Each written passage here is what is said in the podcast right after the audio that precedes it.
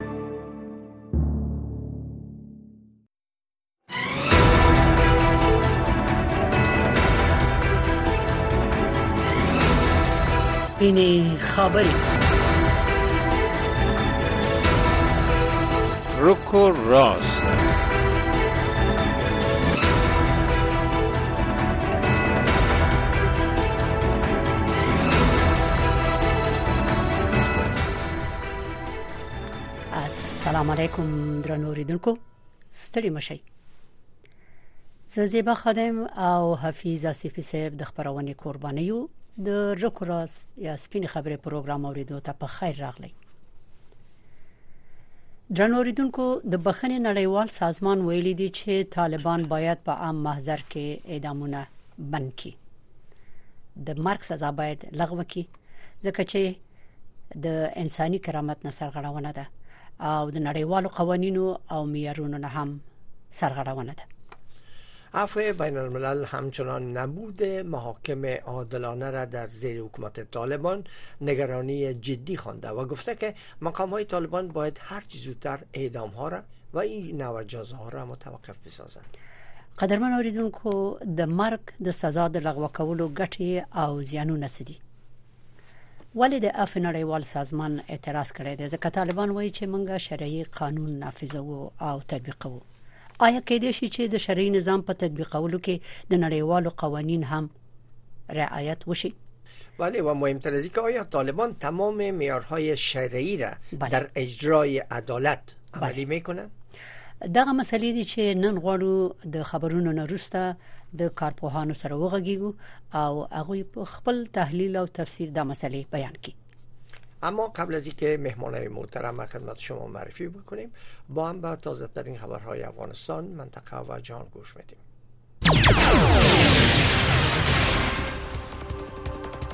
ویان سید سلیمان شاه د ایران د کورنۍ چارو وزیر احمد وحیدی وای چې غیر قانوني افغان کډوال باید خپل هواد ته بیرته ستانه شي د رپورت تفصیل احمد وحیدی یو ځل بیا په دغه هواد کې د قانوني اسنادو نلرونکو افغان کډوالو په ستنیدلو باندې ټینګار کړی او ویلي دي چې نور کډوال هم باید د یو منظم پروګرام په ترڅ کې ستانه شي ترڅو د شاغلي احمدی په وینا د خپل هواد په آبادولو کې ونډه واخلي وحیدی د کډوالو د پیژندګلوۍ د کارت په اړه ویلي مخکې هغو اتباعو ته چې په هیواد کې حضور درلود مختلف ډول کارتونه په پا پام کې نیول شوی و چې پریکړه وسوه دا ټول کارتونه په یو ځیرک کارت کې سره یو ځای کړو اوس مهال یو کارت په پا پام کې نیول شوی او چاپ شوی هم دی دا کارتونه جنو اتباعو ته هم ویشل شوی دی د طالبانو د حکومت د مهاجرینو او ستنیدونکو چارو وزارت شمیرنې ښیي چې په تیر او ورځو کې نږدې یو لزر افغان کډوال په جبري او یا هم په داوطلبانه ډول له ایران څخه افغانستان ته ستانه شوي دي شافیا سردار امریکا جغ واشنگټن د بخښنې نړیوال سازمان د افغانستان پر طالب چارواکو غږ کړی چې ټول اعدامونه بند کړي او د مرګ سزا هم فسخ کړي. د جنوبي اسیا لپاره د دغه نړیوال سازمان موقتې ساحوي مشرې مېرمن اولیویا سکارډې نن د شنبې په ورځ د کب په پنځمه په یوه بیان کې ویلي چې موږ د ټولو اعدامونو مخالفت کوو او د ژوند له حق نه یوه سرغړونه ګڼو. د افغانستان د پخواني رژیم د جمهوریت ریاست دویم مرستیال محمد کریم خلیلی وای تر هغه چې د افغانستان کورنی ابعاد جوړ نشي هیڅ بهرنی عامل نشي کولای چې په هغه هواد کې ثبات ټینګ کړي خلیلی څو کال وړاندې په مزار شریف کې د طالبانو لخوا د وحدت ګوند د مشر عبدالعلي مزاري د وژل کېدو نهشتم تلین د لمانځلو په مناسبت په یو پیغام کې ټینګار وکړ چې د حذف سیاست او د خلکو په غیاب کې پرېکړې به د نوموړي په باور د هېواد د تباهۍ، نړیوالې انزوا او پاشل کېدو سبب شي. له بل پلوه د افغانستان لپاره د متحده ایالاتو ځانګړي استازي تامس وېست تېره اونۍ د قطر په پایتخت دوحه کې د ملګرو ملتونو په کوربتوب د تېرې اونۍ جوړې شوې غونډې ستاینه کړې او د افغانستان په تړاو یې د دغسې نورو غونډو د جوړېدو غوښتنه کړې. د افغانستان سیمي او د نړۍ خبرونه له امریکا غږ واشنگټن نه اوري د ایران حکومت د جمعې په ورځ د کپ په څلورمه وویل چې روسیې ته بالستیکي توغندي نه دي استولي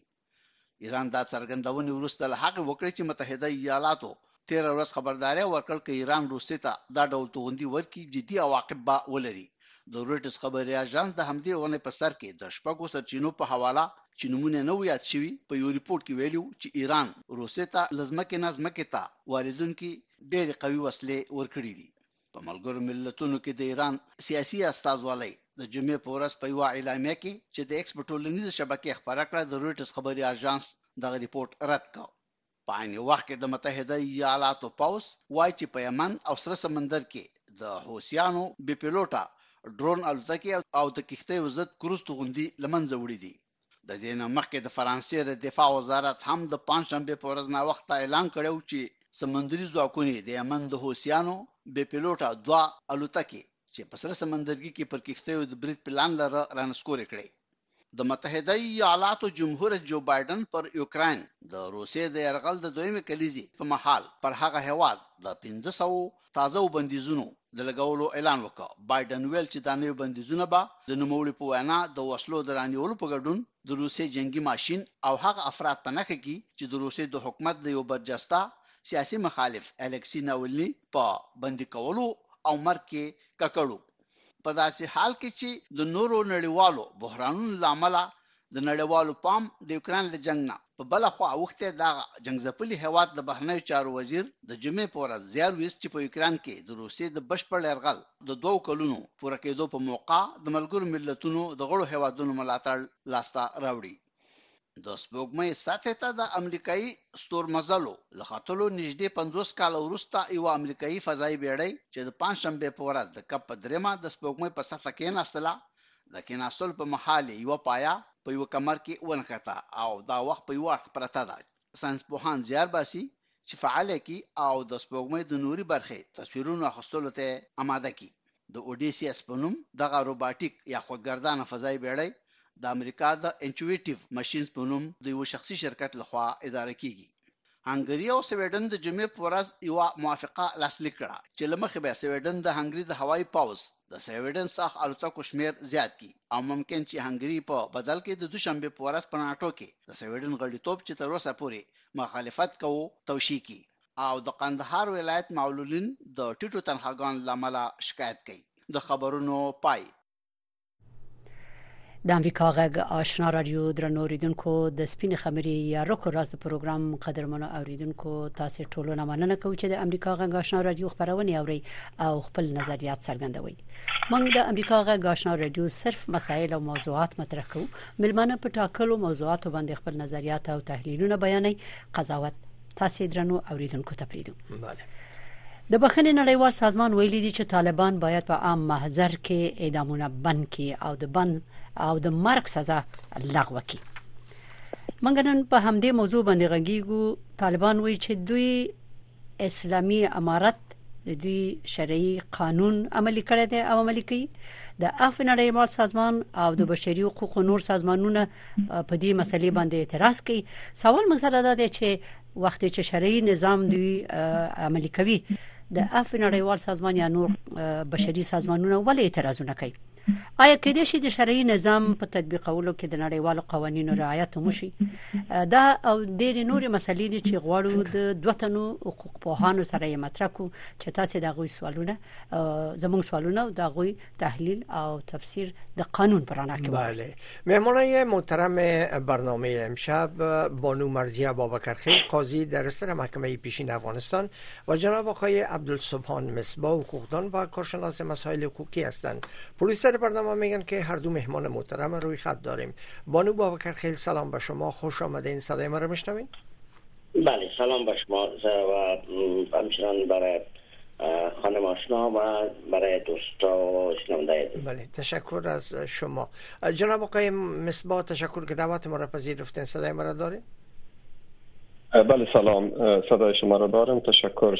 سلام خدمت شما بکر خیل صاحب و سایر شنونده های محترم بله بانو خادم بفرمایید ډیره مننه تاسو نه صفی صاحب محترم مزه جان بابا کرخیل ستړي مشي مصباح صاحب محترم تاسو هم ستړي مشي صفی صاحب تاسو په اجازه اول سوال خدا ده مصباح صاحب محترم د طالبانو د حکومت ستري محکمې اعلامیه خبره کړه او د اعلامیه کې ویلي چې د دریګونو یعنی د درې محکمو د پریکړو نه روسته وایي چې د مولا هبت الله په تایید او د غي په امضا باندې د فبرवरी په 22مه د چې د هود د میاشتې دریمه کیږي د غزنی په ولایت کې په یو سټیډیوم کې دوه تنه اعدام کړل د اف نړیوال سازمان زموږ سوال دا دی چې ولې اعتراض کړی دی خو شرعي نظام او شرعي قانون تطبیقوي نو څه فکر کوئ د دې اعتراضونو دلیل څه دی ولې او ډیره مهرباني بسم الله الرحمن الرحیم مهمه مسله خدا ده چې دا هم د شدیدترین نوع د مجازات نه ده او په مقابل کې یو ډیر اساسي حق د انسان چې هغه د حیات حق ده بله چې په حقیقت کې د خدای تعالی یو تحفه ده انسان ته ورکړل شوې ده او د حق سلبولو کې د حق د سلبولو مسله مطرح کیږي نو دلته لازمه ده چې په نړیواله کچه په ملي کچه غبرګونونه ونیول او خودل شي د دې لپاره چې د غلړۍ په عادلانه توګه او مخته ولاړ شي اوس مهمه مسله دا ده چې په افغانستان کې سره لدی د دغه بحرانونو دراتک سره د منګه قضایي قضایي قوې د سترې ضربې ولیدلې او د منګه خصوصا شل کلن حقوقي نظام چې په هغه کې ډیر با تجربه قضات ول قوانين په ملي او نړیوالو شرعي ستاندردونو ډیر ښه برابر عادلانه قوانين ول او د دې ترڅنګ هغه نهادونه چې د عدالت په تامین کې لکه ستره محکمه او مستقله قوه لوی څارنوالي دي اجرایه قوی په چوکاټ کې ولې په اجرا اموراتو کې مستقله همدغه رقم یو مدافع وکیلانو مستقله انجمن مدرلود 15 شپږ زره شاوخوا وکیلان پکې ول همدا رقم عدلی وزارت خپل کار کوي او پولیس ټول اوس مهمه مسله دا شوله چې طالبان چې کله قدرت ته ورسېدل د دې لپاره چې دوی د حکومتداري لپاره په ټوله کې برنامه نه درلودله تر اوسه هم نه لري دوی اول خو قاضیان هغه قاضیان راوستل چې هغه د دوی تحریک پورې اړه درلوده یعنی استقلالیت دلته سوال لاندې راغی قوانین ښه قوانین د منګه د جزا کود مثلا په 1914 مادو کې ډیر ښه ستاندردونه باندې جوړ شوی و اجرات جزایی قانون مثلا اساسي قانون په ټوله کې دا یې په تعلیق حالت ته راوستل او په مقابل کې یې د خپل هغه د تیرې دوري قوانینو کې لږ تغییر راوست او او دا یې منځ ته بوتلو راوستل د دې ترڅنګ یې د سترې محکمې هغه کم تشکیلات چې په خوا ول لکه نه تنه قاضیان بول عالی شورا مثلا قاضي القضات و بیا یو خاص سټرکچر موږ درلود چې په نړیوال سټنډردونو برابر و دا لري کړل او بیرته موضوع تغییر په ټول تشکیلاتو کې تغییر راوست د ستر محکمې نو دا د دې تغیرات د دې سبب شول چې نه یوازې د اعدام چې ډیره مهمه موضوع ده یا قصاص ولی په نو حتی په عادي مواردو کې دی په قضایي سیستم کې پاتې راغلي دي ځکه حالت مغلق شوی ده او عدالت تامینېدل ډیر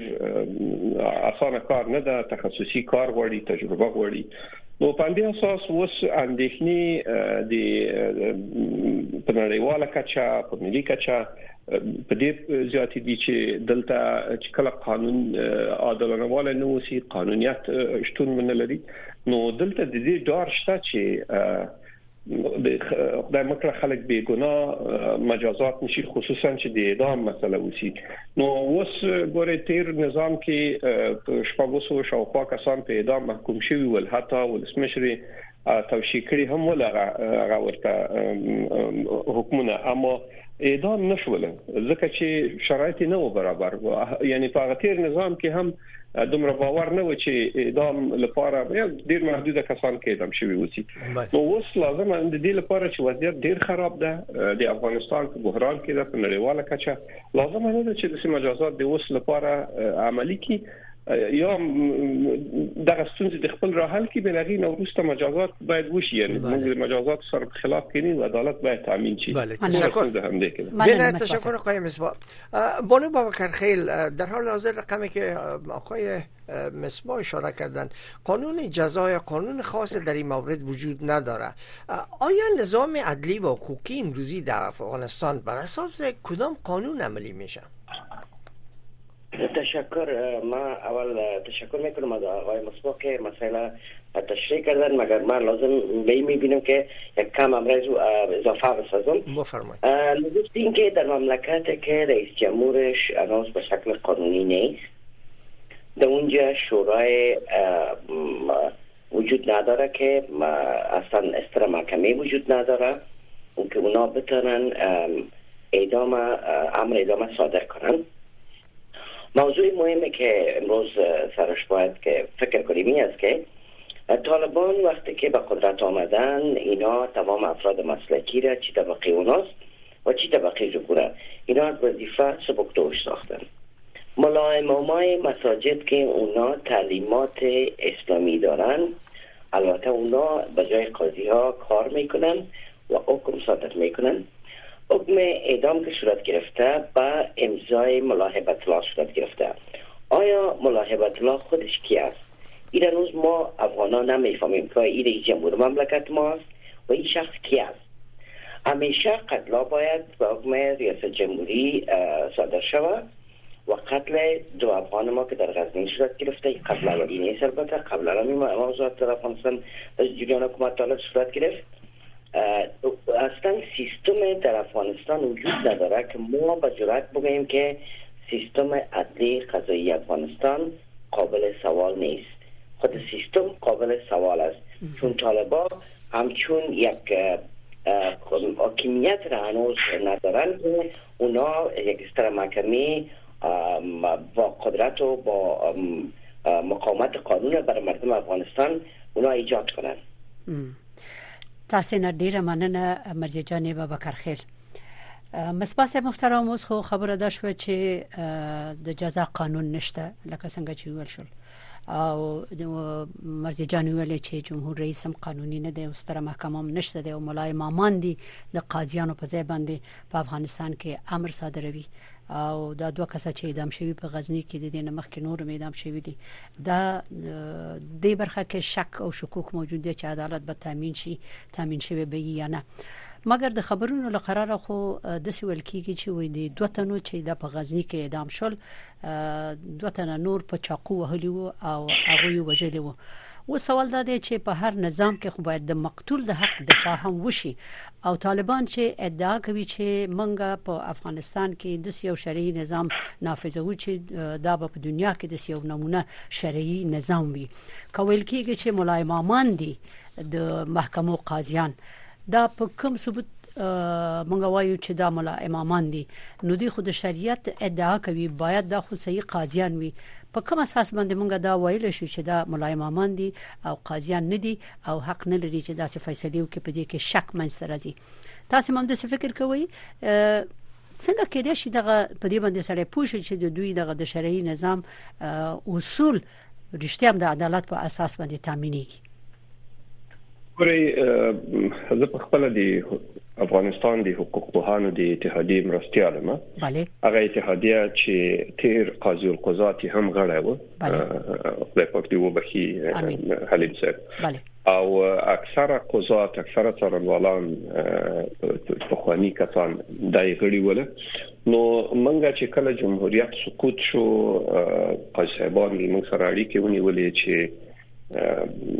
یعنی د وظیفې نه د برکناري مسله ولا مسله مطرح شوله یعنی دا موضوع منګل د غدوانیم کالو را په دی خو و څارله او دا د خواشینې ځای ده چې سیدا قاضیانو کې هم فاسدین ولدي کې څک نشته فساد شتون درلوده اما ټول قاضیان فاسد نه ول دومره تکړه قاضیان موږ درلودل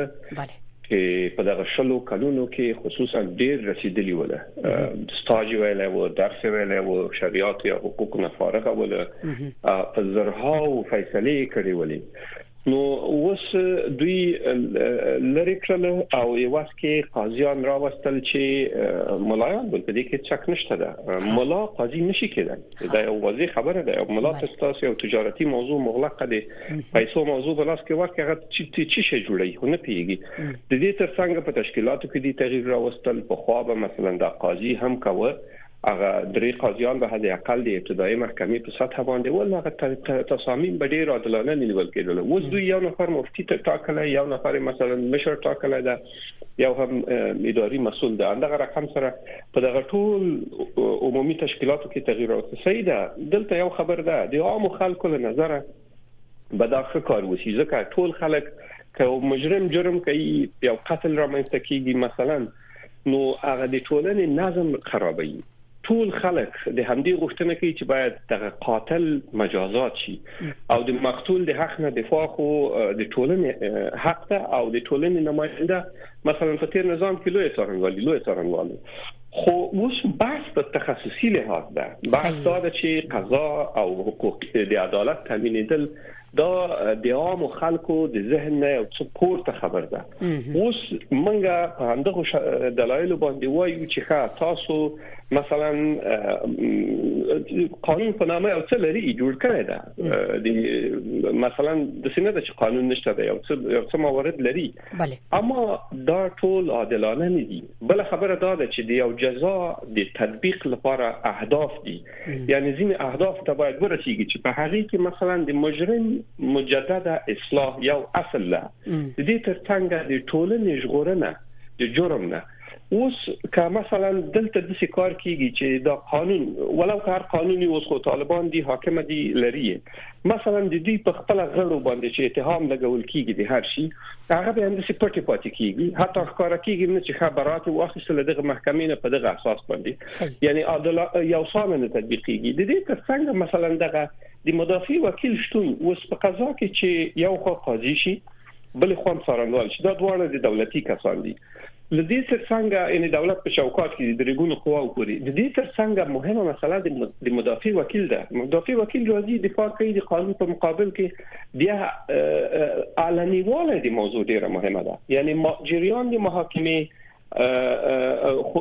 باید علني وسی دا د اساسي قانون حکم ده مګر دا چې ځینې لکه فامیلی مسائل وسی خو اعلان د حکم باید علني وسی او مدافع وکیل باید شتون ولري اجرات جزایی قانون که دومره دا مسله جدي راغلې ده باید هغه اجرایی اساس هغه اساسي اجراءات کچیر ته په نظر کې ونیول شي اساسي اجراءات کې د مدافع وکیل شتون ده هغه هغه فیصله باطله ده په ټوله کې یعنی د اجرات جزایی قانون کې دا مسله راغلی ده په تیر نظام کې اوس دلته دوی په خپل سر باندې دا کارونه چې کوي صحیح ده عام خلک به خوشاله شي ورته چې دا د قصاص شو اعدام شو او دا آیات د دې کې خو هیڅ څوک انکار نشي کولای مګر په تخصصي لحاظ باندې په وګ مهال کې د ډېر ستونزې را ولاړې د دوی د د دوی لپاره تاوان ده کدی غواړي چې مشروعیت را تر لاسه کدی غواړي چې مثلا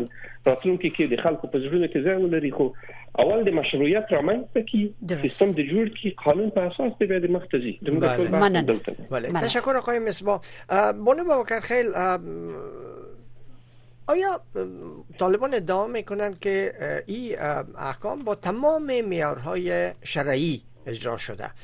چقدر میارهای شرعی با قوانین بین المللی حقوق بشر همخوانی داره و شما در گذشته وقتی که در افغانستان تشریف داشتین و قاضی بودین چقدر شما میارهای شرعی را مرات میکردین و او او میارهای شرعی را عملی میکردین که با قوانین بین المللی همسویی داره داشتن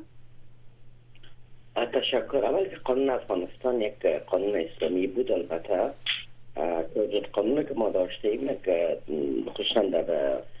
قوانین جزایی بایی که ما در محکمه جزایی جا کار نکردیم اون در محکمه فامیل کار کردیم محکمه فامیلی مګر قوانین جزایی ما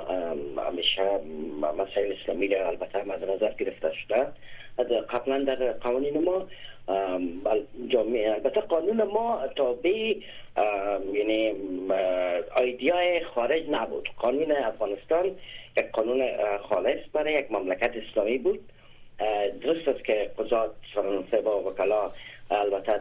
بعض ترننگا و گپسخن از جرمنی امریکا و بعض ممالک دیگه اونا برای ترننگ می رفتن به این مانا نبود اونا قانون را تغییر می دادن قانون ما قانون بسیار خوب بودی که در اون زمان هم البته در تطبیق قانون بعض پرابلم های صورت می گرفت مگر به این سرد نبود که امروز مردم از گفت از یاد کردن قانون مردم هبا می کنند مردم اصلا حراس میکنند چی ما قانون بکنیم البته قانون افغانستان در اون زمان که البته دولت دولت قبلی بودن به شمول دولت آقای غنی سیستم قضایی افغانستان و قانون اجرای افغانستان واقعا یک پیشرفت عجیب کرده بودند و قاضی بودن یا سرنال شدن و وکیل مدافع شدن این بستگی به این نداره که شما از کدام مسجد آمدین و نمایندگی میکنین این بستگی به این داره که شما فکولته میخوانین کورس قضا میخوانین کورس سرنمالی میخوانین و وکیل کسی که وکیل مدافع میشه اونا ترننگای را البته سپری کرده اونا میان شامل کار میشن امروز که در مملکت ما چیزی وجود نداره تمام افراد مسلکی ما و شما امروز از افغانستان به شکل میخواین فرار کنند که خود نجات بتن حداقل زنده بانند بله مننه تاسو نه بابا کار خیر صاحب مصباح صاحب محترم تاسو مخکې ویل چې په محاکمو کې خصوصا بیا په دغه سیمه مسله کې چې یو انسان په اعدام محکومیږي او تحقیق کیږي او سړنی کیږي فیصله کیږي البته اول خو قانون مهم دی قانون خو هغه دشته دی لکه څنګه چې تاسو ویلي طالبانو اسلامي امارات خپل شرعي قانون نافذ کړی دی وي مونږ یو نمونه ملک جوړو په دنیا کې هیڅ وخت شرعي قانون سم نه دی تطبیق شوی مونږ یې تطبیقو دا خو دوی خبره ده او تاسو ویلي چې د مدافع وکیل موجودیت ډیر ضرور دی چې د دغه چا باندې چې اتهام دی دغه د حق دفاع وکي او د محاکمه جریان باید علني وي آیا د غتیر حکومت کې د محاکم جریان په تلویزیون کې خودل کېده شر... یعنی هغه همداسي و چې تاسو وای یو دویمه مسله نو طالبانو چې دغه دوه کسه اعدام کړل د خو سم په عام محضر کې اعدام کړل چې ټول په اعتراض لري دلته خو هغه د تطبیق شو عام محضر کې مګر دغه موږ ته نه معلومه تاسو ته کوم معلومه وي چې د درې محکمو چې وکم کو الته خبرنګارانو یا نو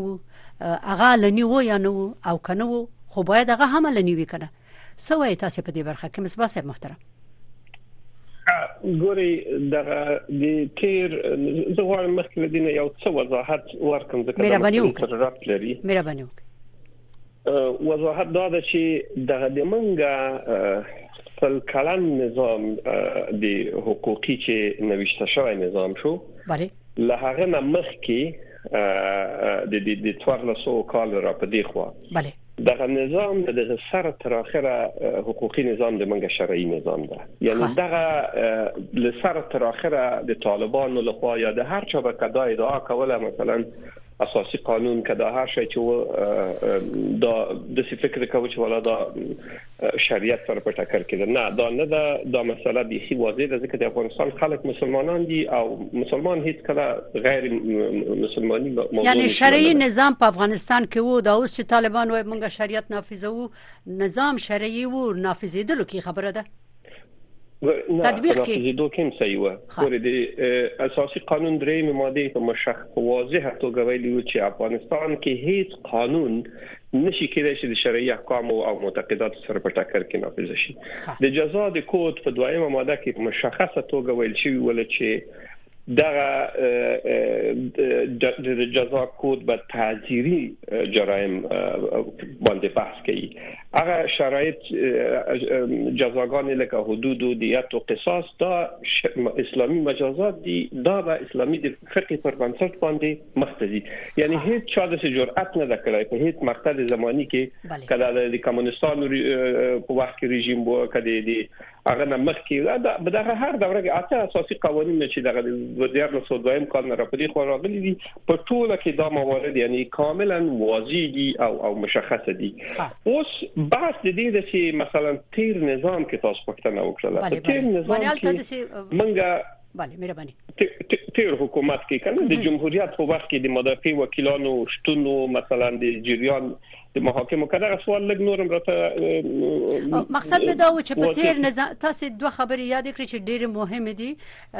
خصوصا د اعدام په مسله کې چې یو کس محکوم شي چې اول د مدافع وکیل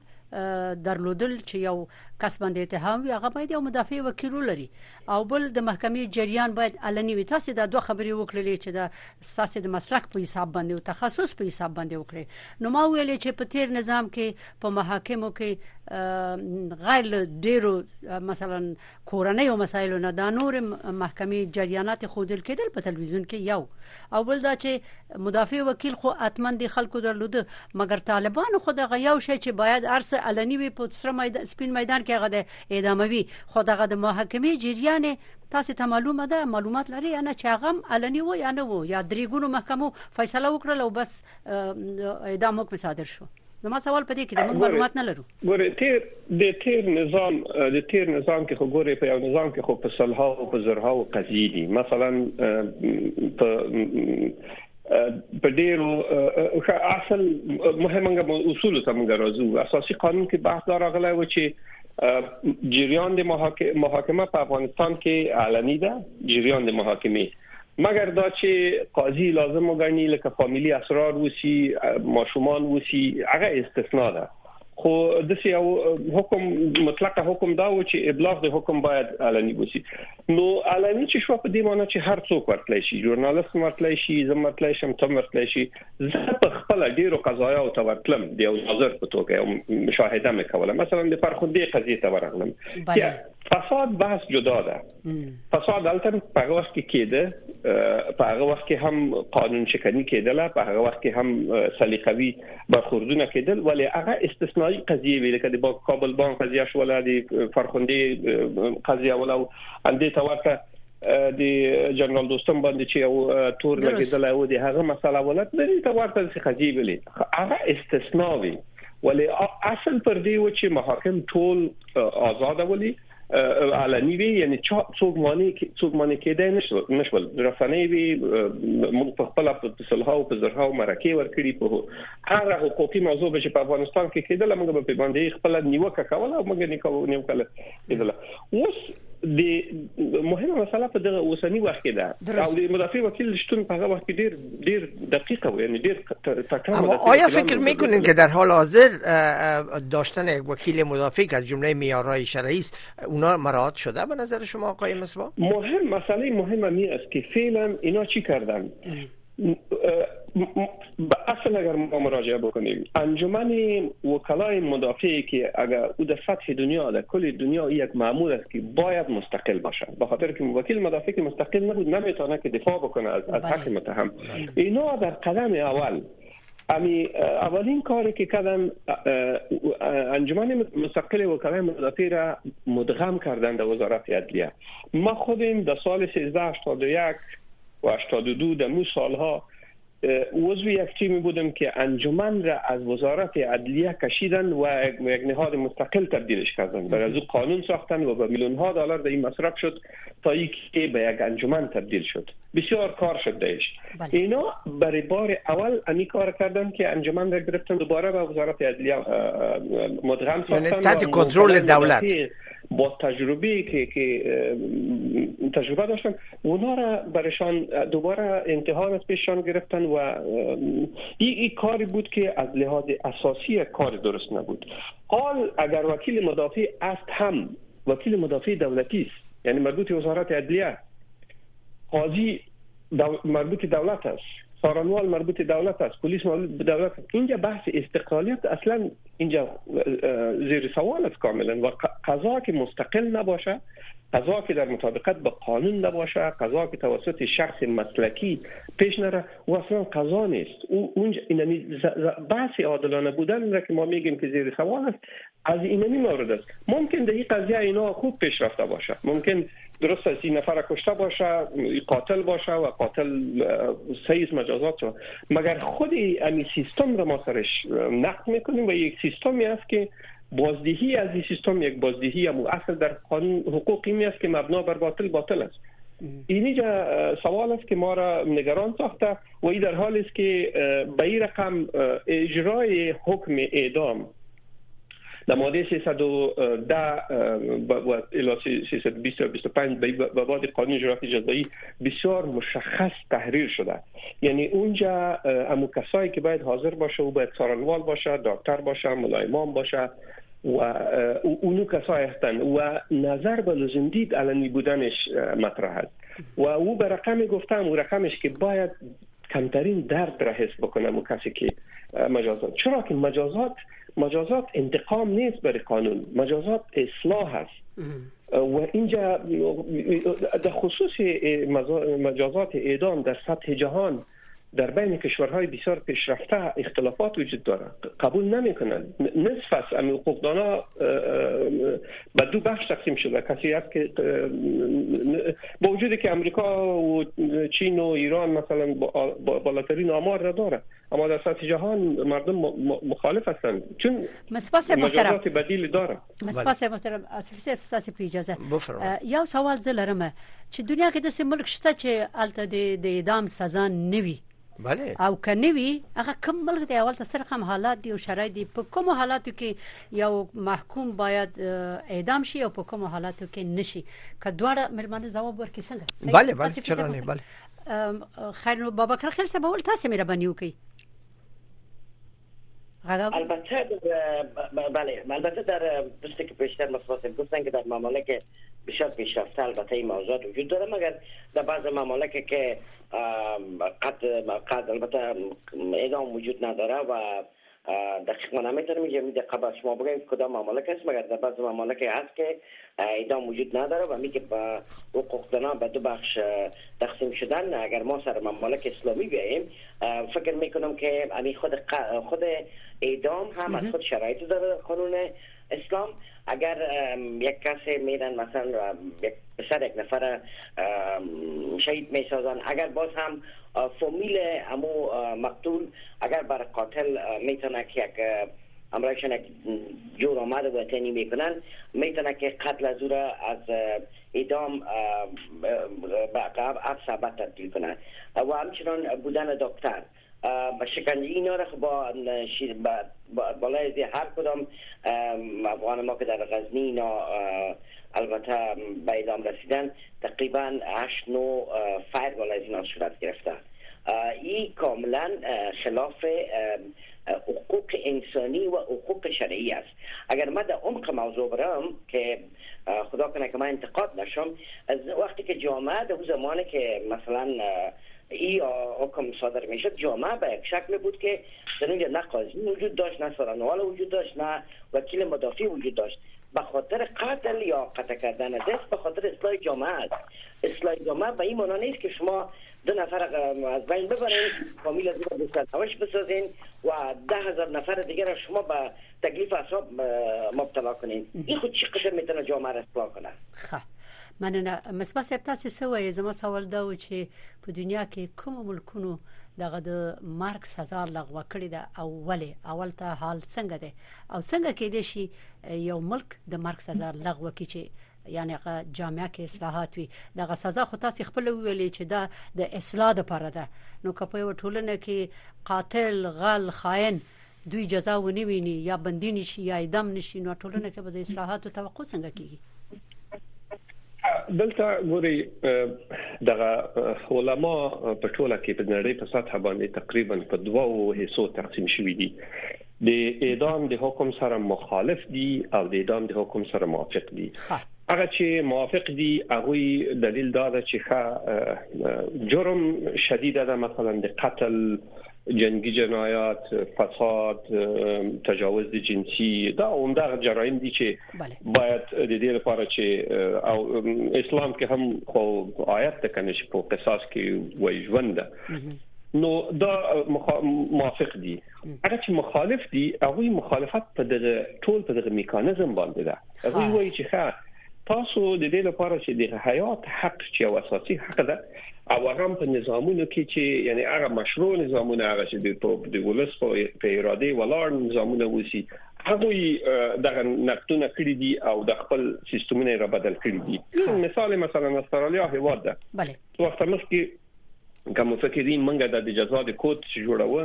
موږ اتحادیه هم یو غړی وای موږ په مجالس کې بناسو د جزا کودم جوړاوه الته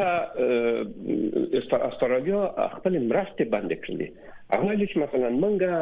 په خپل نظام کې نه لرو نیوزیلند هوا د اروپا کې ډیر هوادونه دي یعنی ما ما سره غو دقیق لیست وس نشته ده خو داس فکر وکړي چې چې ډیر هوادونه دي چې د اعدام د حکم سره مخالفت لري ګور یو یو بحث بل دا ده د اعدام حکم کم تحقیقات شوي دي یوازې په امریکا کې د دې بیګناو کسانو اعدامول یعنی دا رقم په دې څو کلونو کې ډیر زیات شوی دی یعنی ورسته لدی چې شخص اعدام شوی دی بیا دوی معلومه کړی چې ولا دا کس خو بیګونه او په دې باره کې ما خپل چې ماستری کوله په دې په دې حق له ما چیرنې وکړلې مقالې مې ولوستلې دا یو واقعیت په دغه تیر کال کې مصباح صاحب محترم ساسي د خبرې په حساب په دغه تیر کال کې دغه یو خبر راغی چې یو کس و 15 دیش کال په بند کې تیر کړی وو او هغه بندي والته خو بل اخره ثابت شو چې هغه کوم جرم چې وو چې په دې اتهام هغه جرم د نو کړی بیا د بند خلاص شو بیا په هغه باندې ډیر رپورټونه نشو شو دا خبره صحیح ده مګر هم د اعدام سزا شته دغه تاسو چې ویلي میکانیزم فرق لري طریقې فرق لري دلته اوس مثلا هغه یو نفر ته چې یو قسم غاز پیچکاری کړل که څنګه چې پاغه وجول پاغه څومره خبرونه راغلل نو اوس ما زما سوال دا و چې ډیر ملکونه نه لري هغه ملکونه به ډیر پیشرفته ملکونه وي افغانستان کې ساسي توقع سره چې سوشي نه زه زه ګوره دا خو څوک منکرې دی نشي د اعدام اعدام خو د حق الله پوری موضوع موضوع ده ولی قصاص مثلا دا ډول ترمنځ ګوري تفاوت شته ده قصاص یو شرعي حکم ده د کې نص ده په دې کې هیڅ مسلمان نشي منکرې دی منکر مثلا چې شپله مثلا د اسلام د دایره نه سره ودی د اعدام اعدام حکم ته هم ضرورت شته د ځکه ټولنه باید نظم رامنځته شي دلته خو ضرورت د افغانستان کې د ضرورت نه افغانستان کې عملا موږ په قوانینو کې لرو اوس خو هغه د د د 1955 کال د جزا په قانون کې دا مورد و لاغه نه مخکې چې هغه د اصول نامې وي نظام نامې وي په هغه کې دا مسایل ول د قصاص ځکه دا مسائل ټول راجع کړي وو حنفي فقه ته وو حنفي فقه کې قصاص یو یو نه ولي مجازات ده او اوسنی نظام کې مشته ده یعنی افغانستان کې منل شوی ده خلکو منل ده عملی شوی دي په خو په خو وختو کې اما اوس شرایطو کې هم له سیاسي لحاظه طالبان له شدید بحران سره مخامخ دي اقتصادي قوي بحران سره مخامخ دي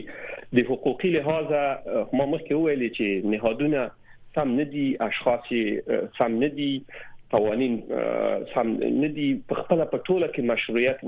شتون نه لري میکانیزم چې دغه دوی چې د اسلامي امارت ادعا کوي دغه د شریعت د نافذېدو ادعا کوي د دې لپاره کوم میکانیزم نشته خو ډله په زور راغلي پنځه کاله مخکې په زور باندې حکومت کو وسم په زور راغلی دا حکومت کړی دا دلته د مشروعیت مسله په هر حالت کې سوال لاندې ده ترڅو چې دا میکانیزمونه حل نشي د دوی کړنې خدا ټوله کې سوال لاندې دي په دې کې عدالت نه تامینېږي ته دا عام خلک به دې ته خوشاله وي مګر په تخصصي لحاظ باندې دا د قبلې دوه ورنه ده تر هغه پورې چې یو یو د سي تغییر راشي چې په هغه کې شفافیت وسی په هغه کې عادلانه والي وسی دا غینه ورسته شرعي احکام خو د عملی شي خو هیڅوک زه فکر نه کوم چې د څوک وسی چې منکر شي چې د قصاص نه یا مثلا د اعدام د حکم نه یا هر نه نور مجازات نه ول د ما مثلا مهمه دا زه غواړم دا شی وایم چې د عدالت تامین په ټوله کې په افغانستان کې سوال لاندې ده او دا ډیره مهمه ده دغه طالبانو چې ځانونه اوس برلاسي بولی وایي چې دا میدان مو ګټلی ده دلیل یې چې دوی ته انګیزه ورکړي د بی عدالتۍ ولا یو دلیل یې د بګرام د زندان یو مثال ده ما په خپل حالت کار کړی دا په لاسو کلو پورې هم اندغه دي کسان هلته به سرنوشت پراته ول او دا عقدې شوې ځکه بیا عدالتي و ورسره او د دغه عقدو په نتیجه کې دوی مثلا دغه سي د په دې حد ته ورسېدل چې بس جمهوریت سقوط کړ د دې چې تم متوجي وتی کړه د عدالت ته صحیح پام په نظر کې ونه نیسی نو د دوی په ژوند کې د ژوند د سیاسي بقا لپاره د دوی ستر ګواښ ده او او دا اسانه خبره هم نه ده د رقم سره چې د کې اوس ډیر زیات تړاو د دې د هغه ترمنځ د ډیر فاصله دي د د دې ترمنځ چې مثلا دوی د د دې خلک د دوی د طالبانو کوم ذهنیتونه چې اوس دي او هغه اصل حقیقتونه چې مثلا موږ په قوانینو کې تیار نوښته شوی دي دوی ترمنځ ډیر زیات فاصله دي نو هیله را تشکر جناب آقای مصبا مهمانای محترم فقط شش دقیقه به ختم برنامه مانده با اجازه شما خانم خادم برنامه رو بله. جمع بندی میکنیم بر مهمان محترم فقط سه دقیقه وقت میتیم با شما شروع میکنیم بانو باقر خیل با آنچه گفته آمد در رابطه به مسئله حقوق قانون جزا در افغانستان و آمدن طالبان و گماشتن افراد غیر مسلکی و اساس گزارش ها و گفته جناب آقای مصبا شما بالاخره رای بین رفتی مشکل در چی میبینید در حالی که قاضی ها شمار زیادش از افغانستان خارج شده آدم های مسلکی خارج شدن بالاخره عدالت چگونه عملی خواهد شد در این کشور و گزینه طالبان و ملت افغانستان چی است سه دقیقه وقت دارین بانو بابکر خیل تشکر البته زمین سوال قبلی در زمانی که یک کمپاین بسیار قوی در دنیا بالای اعدام صورت گرفت البته در او ممالک اسلامی کمتر شامل بوده در مجموع که ممالک که شامل بوده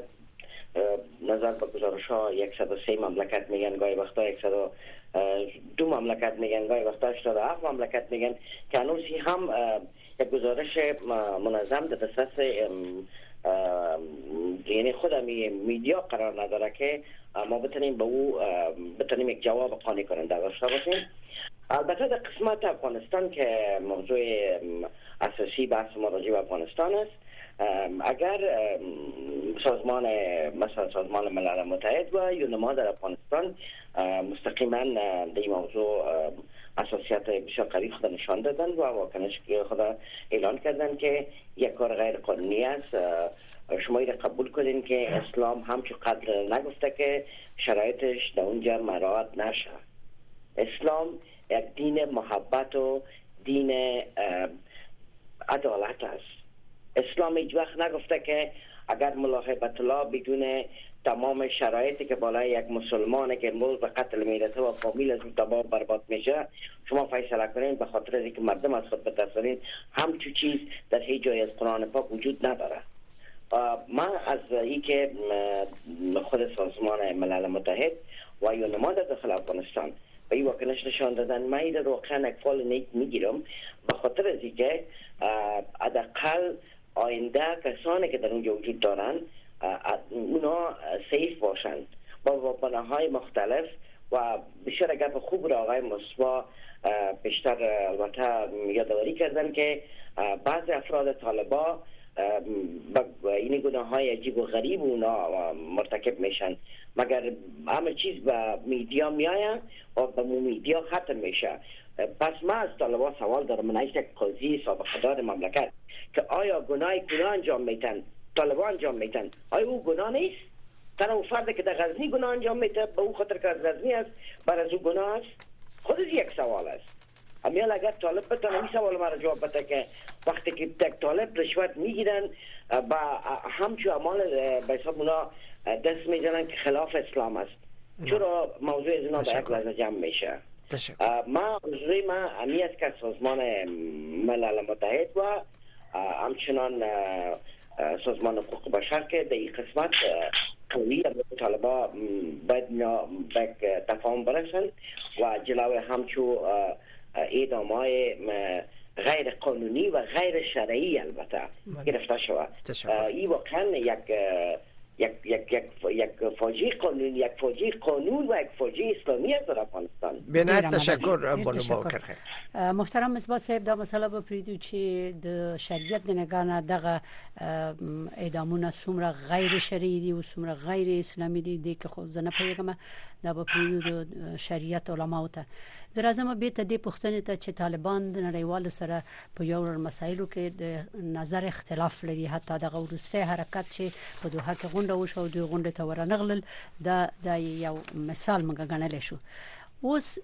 بل مسله دا ده چې دوی په ملک کې د شریعت په اساس باندې اعدامونه جاری کوي او څه پوری جاری کړی دي جزاګانې ورکړي دي مثلا په عام محضر کې د مجرمینو سنگسارول دا رپورټونه ډیر راغلل او اعدامونه هم مخکې شوي دي هغه رپورټونه هم راغلي دي لوګر کې نور زینو کې چې ټول نمونه زما په یاد نه دي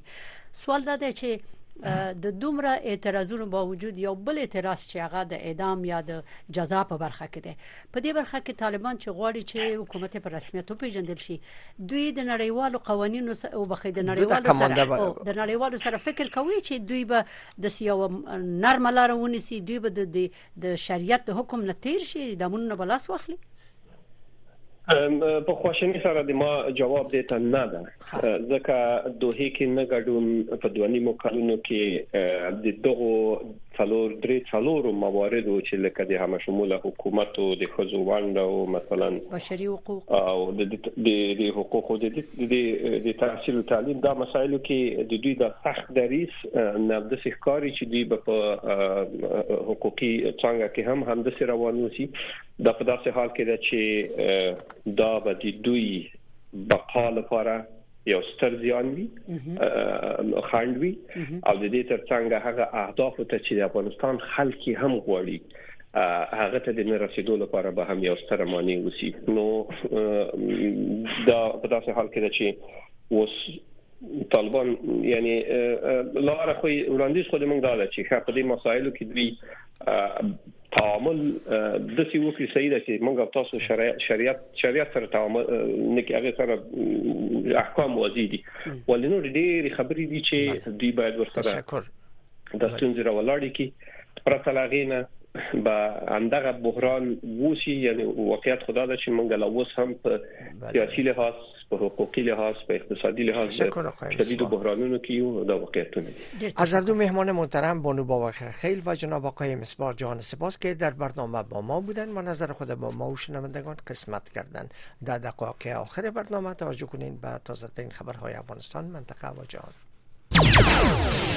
سلام رویا زمانی هستم با تقدیم مشروع خبرهای این ساعت با تداوم واکنش های بین المللی به اعدام دو تن از سوی محکمه عالی حکومت طالبان در ولایت غزنی این بار سازمان اف بین الملل با اجرای علنی مجازات اعدام مخالفت نشان داده و آن را خلاف حق زندگی خوانده است این سازمان روز جمعه با نشر اعلامیه در اکس از های طالبان خواستار توقف اعدام افراد و لغو این مجازات شده است لیو ساکاردی معاون منطقه سازمان اف بین الملل گفته است که ما با همه اعدام ها به عنوان نقص حق زندگی مخالفیم طالبان بارها و بارها آنها را به صورت علنی اجرا می کنند که توهین فهاش به کرامت انسانی و همچنان نقص قوانین و میارهای بین المللی است محکمه عالی حکومت طالبان روز پنجشنبه 22 فوریه گفت که به دنبال فیصله این محکمه و تایید ملا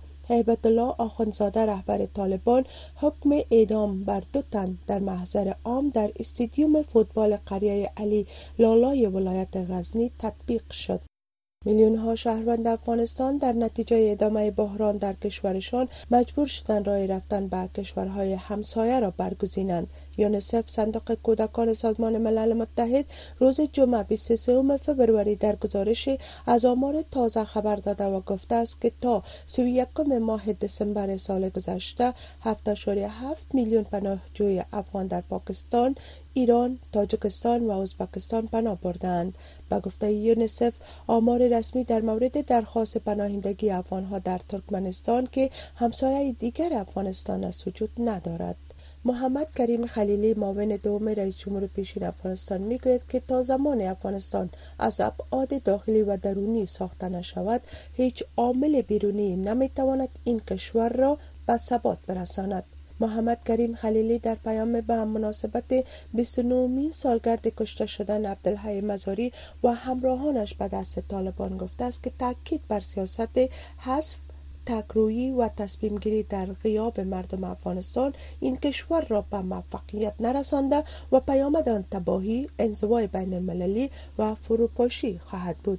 خبرهای منطقه و جهان را از رادیو آشنا صدای امریکا مشنوید احمد وحیدی وزیر داخل ایران با تاکید به برگشتن مهاجران غیرقانونی افغان از این کشور به کشورشان گفته است که بقیه مهاجران نیز در یک برنامه سازمان یافته باید به آبادی کشورشان بپردازند وزیر داخل ایران نوقت روز جمعه 23 فبروری در رشته پیام ها در شبکه اجتماعی اکس اجازه دادن ساعتی منازل مسکونی را به مهاجران رد کرده و گفته است که چنین مجوز صادر نشده است در ادامه خبرها وزارت صحت غزه تحت کنترل حماس امروز شنبه گفت که حملات شبانه اسرائیل بر غزه ده ها کشته بر جا گذاشته است جزئیات بیشتر را از فرخنده پیمانی مشنوید این در حال است که رئیس اداره استخبارات اسرائیل برای انجام مذاکرات در پاریس به سر میبرد جایی که او برای رفع بنبست در مورد آتش بس تلاش می کند. این مذاکرات پس از آن صورت میگیرد که طرح بنیامین نتانیاهو صدر اسرائیل پس از جنگ در غزه مورد انتقاد متحد کلیدی این کشور ایالات متحده قرار گرفت و توسط حماس و اداره خودمختار فلسطینی در کرانه غربی رد شد. حماس صبح امروز شنبه گفت که نیروهای اسرائیلی در 24 ساعت گذشته بیش از 70 حمله را به خانه های غیر نظامیان در دیرالبلا، خانیونس و شهر رفع انجام دادند. در اثر این حملات به گفته وزارت صحت غزه 92 تن کشته شده است. مقام های محلی چین امروز شنبه 24 فوریه گفتند که در اثر آتش سوزی در یک ساختمان مسکونی در شرق چین کم از کم 15 نفر کشته و 44 نفر دیگر زخمی شدند مقام ها در یک کنفرانس خبری گفتند که آتش سوزی در اوایل صبح جمعه در منزل تهدانی یک ساختمان جایی که بایسکل های برقی نگهداری شد آغاز شد و به سایر قسمت های ساختمان گسترش یافت مقام ها گفتند که عملیات جستجو و نجات تا ساعت دوی بعد از ظهر جریان داشت گروه مسلح حوثی یمن اخیرا به اتحادیه اروپا اطمینان داده است که کشتیرانی در بحیره سرخ امن است و هیچ تهدیدی برای کشتی ها به جز کشتی هایی که به اسرائیل ایالات متحده و بریتانیا مرتبط است وجود ندارد حسی های یمن افزودند که اقدامات این گروه در بحیره سرخ در پاسخ به عملیات نظام اسرائیل در باریکه غزه است اتحاد اروپا روز دوشنبه رسما یک ماموریت بحری را برای حفاظت از منافع تجاری و امنیتی در بحیره سرخ دو ماه پس از ایجاد اتحاد آبی ایالات متحده برای حفاظت از کشتیرانی در منطقه استراتژیکی که 12 درصد تجارت جهانی از آن عبور میکند آغاز کرد رهبران غربی روزشنبه به مناسبت دومین سالگرد حمله تمام ایار روسیه بر اوکراین در کیف کرده هم آمدند آرسلا وندرلین رئیس کمیسیون اروپا همراه با جورج ملنی صدراعظم ایتالیا الکساندر دکرو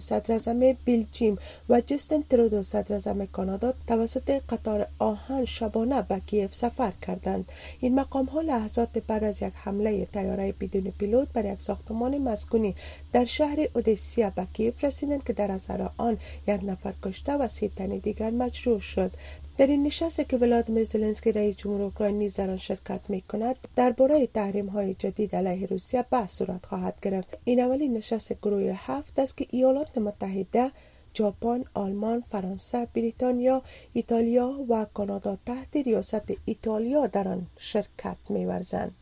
و معترضان در آلمان علیه ارسال تسلیحات حکومت آن کشور به اوکراین تظاهرات را برا انداختند پس از آنکه قانونگذاران این کشور روز گذشته لایحه جدید را برای ادامه تأمین تسلیحاتی مرگبار بر اوکراین تصویب کردند شماری از باشندگان شهر برلین عصر جمعه به جاده ها سرازیر شدند تا در اعتراض به تصمیم حکومت آن کشور برای ارائه تسلیحات بیشتر به اوکراین اعتراض کنند این بود مشروع خبرها تا این لحظه از امواج رادیو آشنا صدای امریکا